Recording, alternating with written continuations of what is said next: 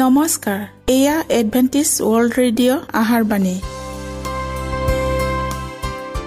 ষোল্ল মিটাৰ বেণ্ডত সোতৰ হাজাৰ আঠশ দহ কিলো হজত এডভেণ্টিছ ৱৰ্ল্ড ৰেডিঅ' যোগে অসমীয়া ভাষাত প্ৰচাৰিত আহাৰবাণী প্ৰত্যেক বুধবাৰ আৰু দেওবাৰ সন্ধিয়া সাত বজাত আহাৰবাণী শুনাৰ পিছত আপোনালোকৰ কিবা মন্তব্য আৰু প্ৰশ্ন থাকিলে আমালৈ এই ঠিকনাত লিখক। আমাৰ ঠিকনাটি হৈছে Adventist World Radio' seven day Adventist মণ্ডলী অসম শাখা লতাকাটা বশিষ্ঠ গুৱাহাটী সাত আঠ এক শূন্য দুই ন।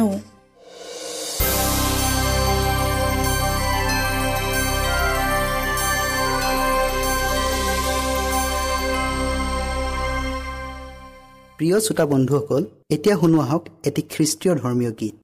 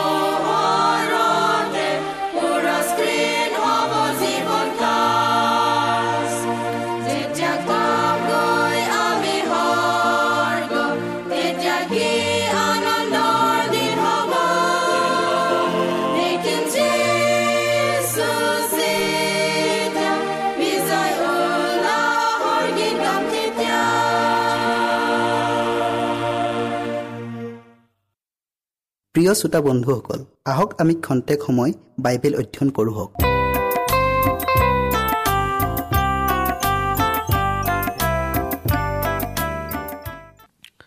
আজিৰ আমাৰ বিষয়টি হ'ল ঈশ্বৰৰ চিনক স্বৰ্গদূতে পঢ়িব পাৰে। প্ৰকাশী বাক্য সাত অধ্যায়ৰ দুই আৰু তিনি পদ।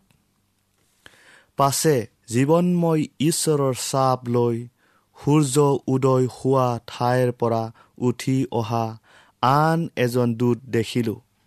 তেওঁ বৰ মাতেৰে ৰিঙিয়াই পৃথিৱী আৰু সাগৰত হিংসা কৰিবলৈ ক্ষমতা পোৱা সেই চাৰিজন দূতক ক'লে আমি নিজ ঈশ্বৰৰ দাবিলাকৰ কপালত চাপ নামাৰো মানে তোমালোকে পৃথিৱী বা সাগৰ বা গছবোৰক হিংসা নকৰিবা।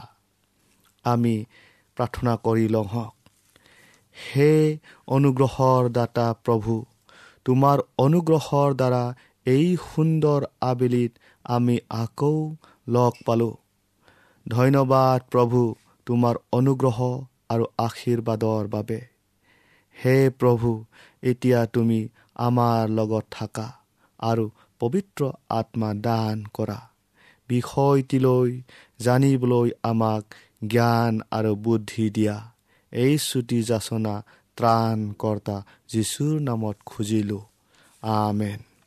পৃথিৱীত থকা প্ৰতিটো বস্তুৱে স্থায়ী নহয়। দেহবোৰ এতিয়া ক্ৰোধিত হৈ আছে আৰু এক মহা বিশ্ব যুদ্ধৰ বাবে প্ৰস্তুতি চলাই আছে। এখন দেশ আন এখন দেশৰ বিৰুদ্ধে জ্বৰ যন্ত্ৰত লিপ্ত হৈছে। সেইদৰে এখন ৰাজ্য আন এখন ৰাজ্যৰ বিপক্ষে থিয় দিছে। ঈশ্বৰৰ মহাদিন সঁচাকৈয়ে ক্ষিপ্ৰগতিত আগবাঢ়ি আহিছে। কিন্তু যদিও দেশসমূহে যুদ্ধ আৰু ৰক্তপাত কৰিবৰ বাবে শক্তি গোটাইছে তথাপিও সম্পূৰ্ণ পৰিস্থিতি এতিয়াও স্বৰ্গদূতগণৰ নিয়ন্ত্ৰণত আছে।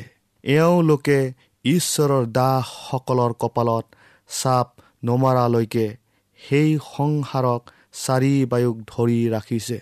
এই চাৰি বায়ুক ধৰি ৰখা সময়তে ঈশ্বৰৰ দাসসকলৰ কপালত চাপ মৰা কাম সম্পূৰ্ণ কৰা হ'ব। ইয়াৰ পাছতে জগতৰ শক্তিসমূহে শাৰী পাতি পাতি অন্তিম মহাযুদ্ধৰ বাবে ওলাই যাব। তেন্তে আমাৰ অনুগ্ৰহৰ বাকী থকাত অলপ সময়খিনিক আমি কিমান সযতনেৰে সৎ ব্যৱহাৰ কৰিব লাগিব। মানুহৰ মনবোৰ যি এতিয়াই সলনি হোৱা প্ৰয়োজন আছিল একো গুৰুত্বই দিয়া নাই। চিন্তা ভাৱনাও সলনি হোৱা নাই। অথচ এতিয়া আমাৰ চিন্তা ধাৰণাৰ কেন্দ্ৰবিন্দু হ'ব লাগে ঈশ্বৰ। মাংসিক হৃদয়ৰ স্বাভাৱিক প্ৰৱণতাসমূহক জয় কৰিবলৈ এতিয়া প্ৰাণপণে চেষ্টা কৰা সময়। মহাক্লেশত সুমোৱাৰ ঠিক প্ৰাক মুহূৰ্তত আমি জীৱন্ত ঈশ্বৰৰ চাপ লাভ কৰিম। তেওঁৰ লোকসমূহৰ কপালত দিয়া জীৱন্ত ঈশ্বৰৰ চাপটোনো প্ৰকৃততে কি বাৰু? এয়া এনে এক চিন যাক স্বৰ্গদূতগণৰ বাহিৰে কোনো মানুহৰ চকুৱে পঢ়িব নোৱাৰে। কাৰণ সংসাৰক দূতে উদ্ধাৰৰ এক চিন দেখা পায়। এই চিন পোৱা জনৰ কোনো ক্ষতি নকৰিব। প্ৰভুৰ তুলনীয় পজিৰ বা পোৱা সকলৰ গাত বুদ্ধিমন্ত মনে সেই কালবাৰীৰ ক্ৰোচৰ চিন দেখা পালে। ঈশ্বৰৰ বিধান ভংগ কৰাৰ পাপবোৰক আঁতৰাই নিয়া হ'ল। তেওঁবিলাকৰ গাত বিয়াৰ সাজ আছে আৰু তেওঁবিলাক ঈশ্বৰৰ বিধানৰ প্ৰতি বৰ বাধ্য আৰু অতি বিশ্বাসী। যিসকলে সত্যতা জানিও তেওঁবিলাকৰ মুখৰ কথা আৰু হাতৰ কৰ্মৰে তেওঁৰ বিধানৰ প্ৰতি বাধ্য নহয়। প্ৰভুৱে তেওঁবিলাকক কেতিয়াও ক্ষমা নকৰিব। জিহিচকেল বিছ অধ্যায়ৰ বাৰ পদটো আমি আকৌ পঢ়োঁ হওক। ইয়াৰ বাহিৰে মই যে তেওঁবিলাকক পবিত্ৰ কৰোতা যি হোৱা। তাক তেওঁবিলাকে জানিবৰ নিমিত্তে মোৰ আৰু তেওঁবিলাকৰ মাজত এটি চিন হ'বলৈ মোৰ বিশ্ৰাম দিনবোৰ তেওঁবিলাকক দিলোঁ। যেতিয়া ইজৰাইলসকল মিছৰৰ পৰা ওলাই আহি জগতৰ কানন দেশত প্ৰৱেশ কৰিছিল তেতিয়া যেনেকৈ ইজৰাইল জাতিটোক চিনাক্ত কৰিবলৈ বিশ্ৰাম দিনটো এটা চিন আছিল। তেনেকৈ এতিয়া ঈশ্বৰৰ লোকসকল জগতৰ পৰা ওলাই আহি স্বৰ্গীয় বিশ্ৰামত প্ৰৱেশ কৰাত ঈশ্বৰৰ লোকসকলক চিনাক্ত কৰিবলৈ বিশ্ৰাম দিনটোৱে এটা চিন হ'ল।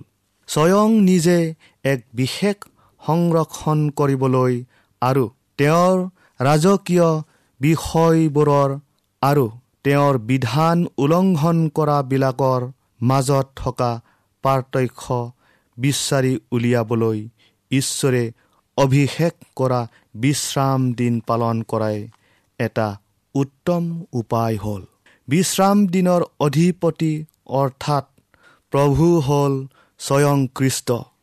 যিহেতু তেওঁৱে সকলোকে সৃষ্টি কৰিছিল তেওঁৱে বিশ্ৰাম দিনকো সৃষ্টি কৰিছিল। তেওঁৰ দ্বাৰাই ইয়াক সৃষ্টি কাৰ্যৰ স্মৃতি চিহ্নৰূপে পৃথককৈ ৰখা হৈছিল।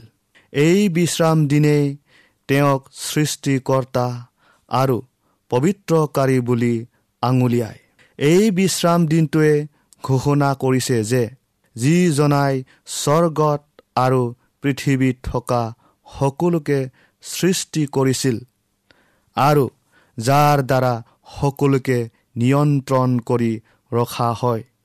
সেইজনাই মণ্ডলীৰো মূৰ অৰ্থাৎ মুৰব্বী আৰু তেওঁৰ একমাত্ৰ শক্তিৰেহে আমি ঈশ্বৰৰ লগত পুনৰ মিলন হ'ব পাৰিলোঁ। ইজৰাইল কওঁতে তেওঁ এইদৰে কৈছিল মই যে তেওঁবিলাকক পবিত্ৰ কৰোতা যি হোৱা তাক তেওঁবিলাকে জানিবৰ নিমিত্তে মোৰ আৰু তেওঁবিলাকৰ মাজত এটি চিন হ'বলৈ মোৰ বিশ্ৰাম দিনবোৰ তেওঁবিলাকক দিলোঁ। আৰু কৃষ্টই যিসকলক পবিত্ৰ কৰিলে তেওঁবিলাক সকলোকে এই বিশ্ৰাম দিনটোক দিয়া হ'ল। কাৰণ এই বিশ্ৰাম দিনটো কৃষ্টৰ শক্তিৰে যে আমাক পবিত্ৰ কৰিলে তাৰ এটা চিন। তেওঁৰ পবিত্ৰকাৰী শক্তিৰ চিন হিচাপে যিসকলে কৃষ্টৰ মাজেৰে ইজৰাইলৰ ঈশ্বৰ যি হোৱাৰ অংশীদাৰ হ'ল তেওঁবিলাক সকলোকে এই বিশ্ৰাম দিনটো দিয়া হ'ল। কৃষ্টৰ সৃষ্টিকাৰী আৰু উদ্ধাৰকাৰী শক্তিৰ চিনৰূপে যিসকলে বিশ্ৰাম দিনটোক গ্ৰহণ কৰিলে তেওঁবিলাকৰ কাৰণে আনন্দদায়ক বিষয় হ'ব। ইয়াত তেওঁবিলাকে কৃষ্টক দেখা পায়। তেওঁবিলাকে নিজেই তেওঁত আনন্দিত হ'ব।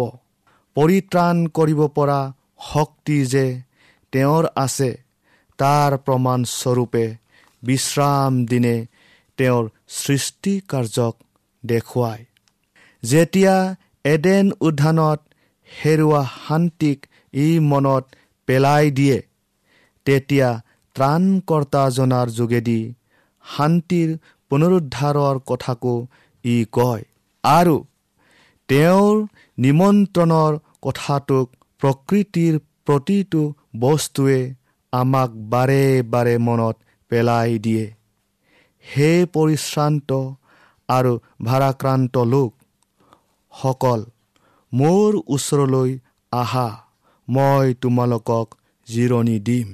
প্ৰিয় শ্ৰোতা বন্ধুসকল বিশ্ৰাম দিন হৈছে এডাল সোণালী জৰি যি ঈশ্বৰ আৰু তেওঁ লোকসকলক একেলগে বান্ধি ৰাখে।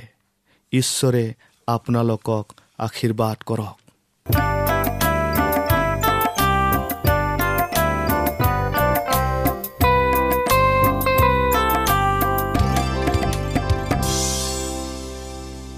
যিমানপুৰে আমি বাইবেল অধ্যয়ন কৰিলোঁ এতিয়া আকৌ শুনো আহক এটি খ্ৰীষ্টীয় ধৰ্মীয় গীত।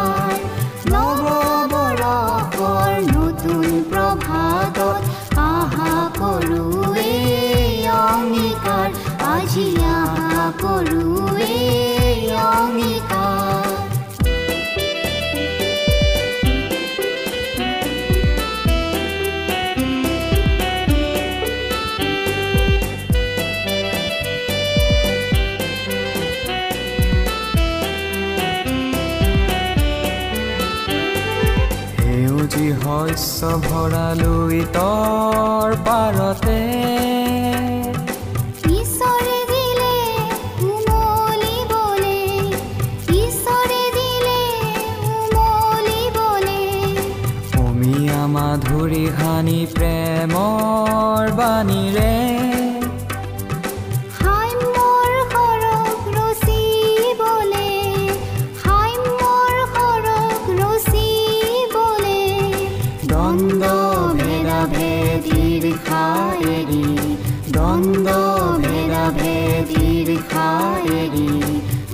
উপচাম দুটিবাৰ সৰগী সুসমাৰে উপচাম দুটিবাৰ সৰগী সুসমাৰে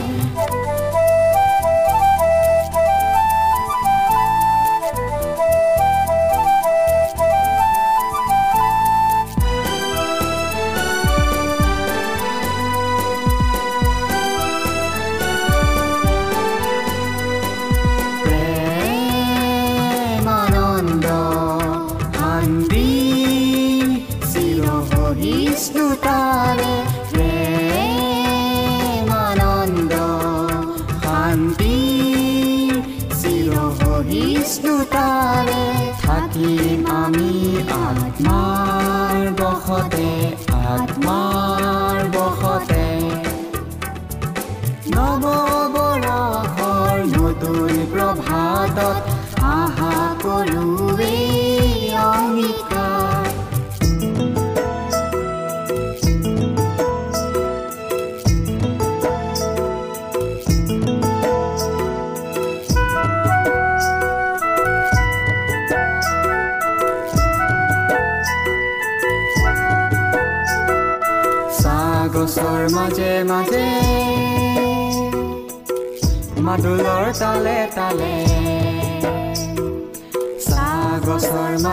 মাজে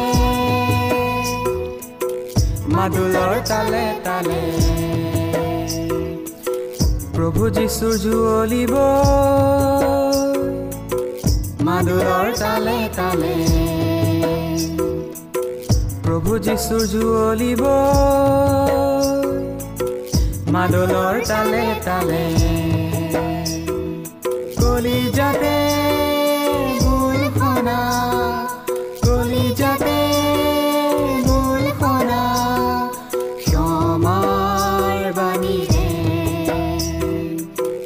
विषिजं शान्ति विश्रिदायते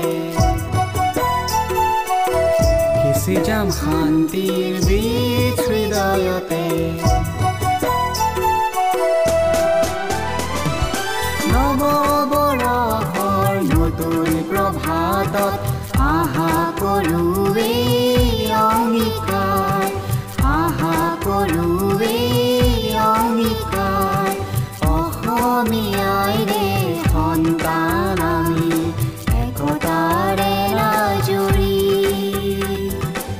सोना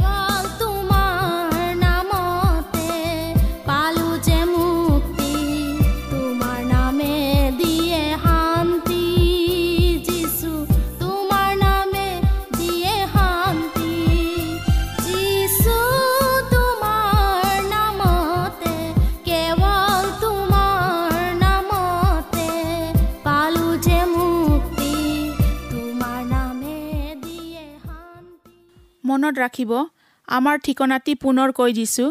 Adventist World Radio' Assam Region of seven day Adventist Voice of Hope Latakata Basistha Guwahati seven eight one zero' two nine প্ৰিয় শ্ৰোতা বন্ধুসকল এডভেণ্টিজ ৱৰ্ল্ড ৰেডিঅ' যোগে আহাৰবাণী প্ৰচাৰত আপোনালোকক পুনৰ লগ পোৱাৰ আহাৰে আজিলৈ সামৰিলোঁ।